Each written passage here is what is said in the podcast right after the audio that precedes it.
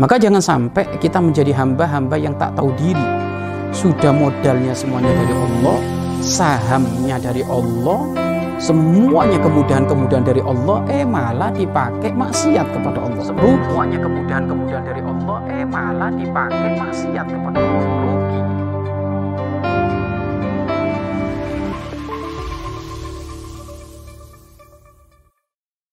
Bismillahirrahmanirrahim. Assalamualaikum warahmatullahi wabarakatuh.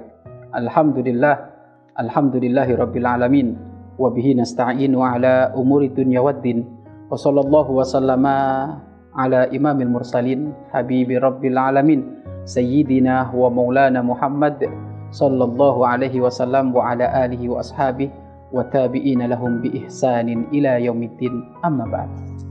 Pemirsa yang dimuliakan oleh Allah Subhanahu wa taala menghormati orang, membuat senang orang, itu kebiasaan dari orang-orang soleh. Bahkan hal ini sangat dianjurkan oleh syariat Islam, terkhususnya baginda agung Nabi Muhammad SAW, hampir perilaku beliau menyenangkan siapa pun yang dekat dengan beliau. Sehingga beliau menyebutkan, Ausini biljar, kama fil hadis, Malaikat Jibril memberikan wasiat kepadaku tentang tetangga maka jangan sampai siapa pun menjadikan kecewa tetangga. Karena tetangga termasuk adalah orang-orang yang terdekat kita. Jika kita dengan tetangga dianjurkan untuk menghormat, menyampaikan hak-hak tetangga, sehingga disebutkan tetangga itu, wilayah tetangga kita itu 40 rumah ke arah timur, 40 rumah ke arah barat, 40 rumah ke arah selatan, 40 rumah ke arah utara. Ini sekelilingnya ini adalah termasuk tetangga. Beliau sangat perhatian dengan urusan tetangga sampai disebutkan tetangga itu memiliki dua hak untuk kita hormati. Satu, hak dia bertetangga. Dua, dia sesama muslim. Atau kalau dia orang kafir, dia juga punya hak untuk kita hormati dalam urusan tetangga. Di dalam urusan bertetangga saja kita harus memuliakan, menjadikan beliau senang, apalagi dengan keluarga kita. Dengan saudara-saudari kita. Kita punya adik, punya kakak, kita punya ibunda, kita punya ayahanda, kita punya kakek, kita punya nenek. Ini termasuk adalah orang yang prioritas harus kita senangkan. Dan menyenangkan orang-orang yang terdekat kita, maka ini akan mempermudah mendapatkan segala hal apa yang akan kita minta kepada Allah Subhanahu wa taala. Bahkan termasuk keunikan dan juga kesalahan adalah ada orang itu perhatian dengan orang lain tapi dengan saudara sendiri nggak perhatian. Ini bahaya yang harus lebih kita perhatikan adalah saudara kita. Bahkan urusan infak sedekah yang lebih utama adalah infak sedekah dengan saudara kita.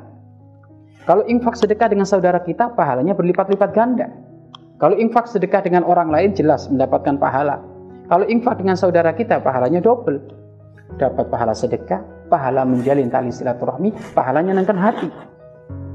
Double, double pahalanya. Maka jangan sampai kita pandai membuat kebaikan dengan siapa pun orang yang ada di muka bumi ini, tetapi giliran sama saudara kita musuh-musuhan. Tidak menyenangkan, jangan. Ayo, mulailah dari kanan kiri kita yang terdekat dengan kita. Ayo senangkan hati beliau. Menyenangkan itu tidak harus berupa memberi, tidak. Menyenangkan itu dengan memuliakan mana yang tua, ditaruh di tempat yang lebih tua, mana yang lebih muda, dibiasakan pendapatnya untuk didengar, jadi tidak harus memberikan uang, akan tapi memberikan porsi-porsi kepada beliau di dalam urusan urusan kehidupan beliau ini, ini termasuk adalah menyenangkan hati beliau. Biasakan minta pendapat kepada yang sepuh dan biasakan membuka komunikasi dengan yang muda dari keluarga kita. Ini adalah penting. Bahkan baginda agung Nabi Muhammad Wasallam, beliau termasuk adalah suri teladan yang sangat komplit. Ternyata beliau itu hampir setiap ada kegiatan apa pun, beliau tidak pernah lupa untuk minta pendapat kepada istri-istri beliau.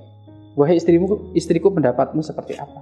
Wahai istriku, pendapatmu seperti apa? Loh kalau sekelas baginda agung Nabi Muhammad SAW mengambil pendapat dari istri-istri beliau, lalu bagaimana dengan kita? Istri jauh lebih dekat dong daripada saudara-saudara kita karena istri kita yang yang yang setiap hari ngeladenin kita, setiap hari masakin kita, setiap hari memberikan obat kepada kita di saat kita sakit. Nah ini dan siapa pun yang membiasakan musyawarah seperti itu di dalam kehidupannya artinya mudah meminta pendapat kepada yang sepuh, saudara yang sepuh, kemudian selalu membuka komunikasi untuk saudara yang yang lebih muda dimintaan pendapat, maka dia tidak akan terjumus dalam wilayah kesesatan, tidak akan terjumus dalam wilayah kejatuhan. Maksudnya kejatuhan itu apa? Banyak orang itu tersungkur jatuh karena dia punya sifat angkuh, tidak mau minta pendapat dan tidak mau ngambil pendapat. Ini bahaya orang seperti ini. Ini modelnya kelasnya adalah iblis. Iblis itu adalah orang yang tidak pernah menyenangkan saudaranya. Bagaimana iblis tidak punya saudara? Saudaranya iblis adalah orang yang orang yang yang yang yang, yang merusak nikmat-nikmat Allah, orang yang tidak beribadah kepada Allah Subhanahu wa taala. Maka pemirsa yang dimuliakan oleh Allah, di bulan Ramadan ini ayo senangkan saudara-saudari kita. Senangkan. Mungkin mulai pelan-pelan di absen. Mana saudara yang terdekat dengan ucapan Assalamualaikum, kefalukum, bagaimana antum sehat, mudah-mudahan keluarga antum sehat, anak-anak antum soleh-soleh. Dengan ucapan seperti itu sangat senang. Itu memberikan kebahagiaan seperti itu, Masya Allah. Kemudian saudara-saudara yang jauh. Kalau ada rezeki lebih-lebih ya diberikan. Nah ini lebih hebat ini. Lebih hebat. Bahkan suatu ketika baginda agung Nabi Muhammad SAW mendapatkan hadiah dari Abdurrahman bin Auf. Siapa yang tidak kenal Abdurrahman bin Auf? Sahabat kaya raya.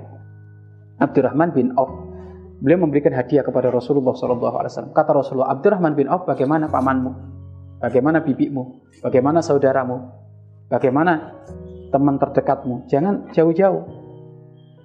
Nah ini apa? Ini pelajaran bagi Rasulullah. Siapa pun yang memberi sebisa mungkin, jangan memberi yang jauh, kecuali yang dekat-dekat ini disenangkan. Dekat-dekat disenangkan. Tentu barometer menyenangkan orang itu ya sesuai syariat Islam sesuai syariat Islam.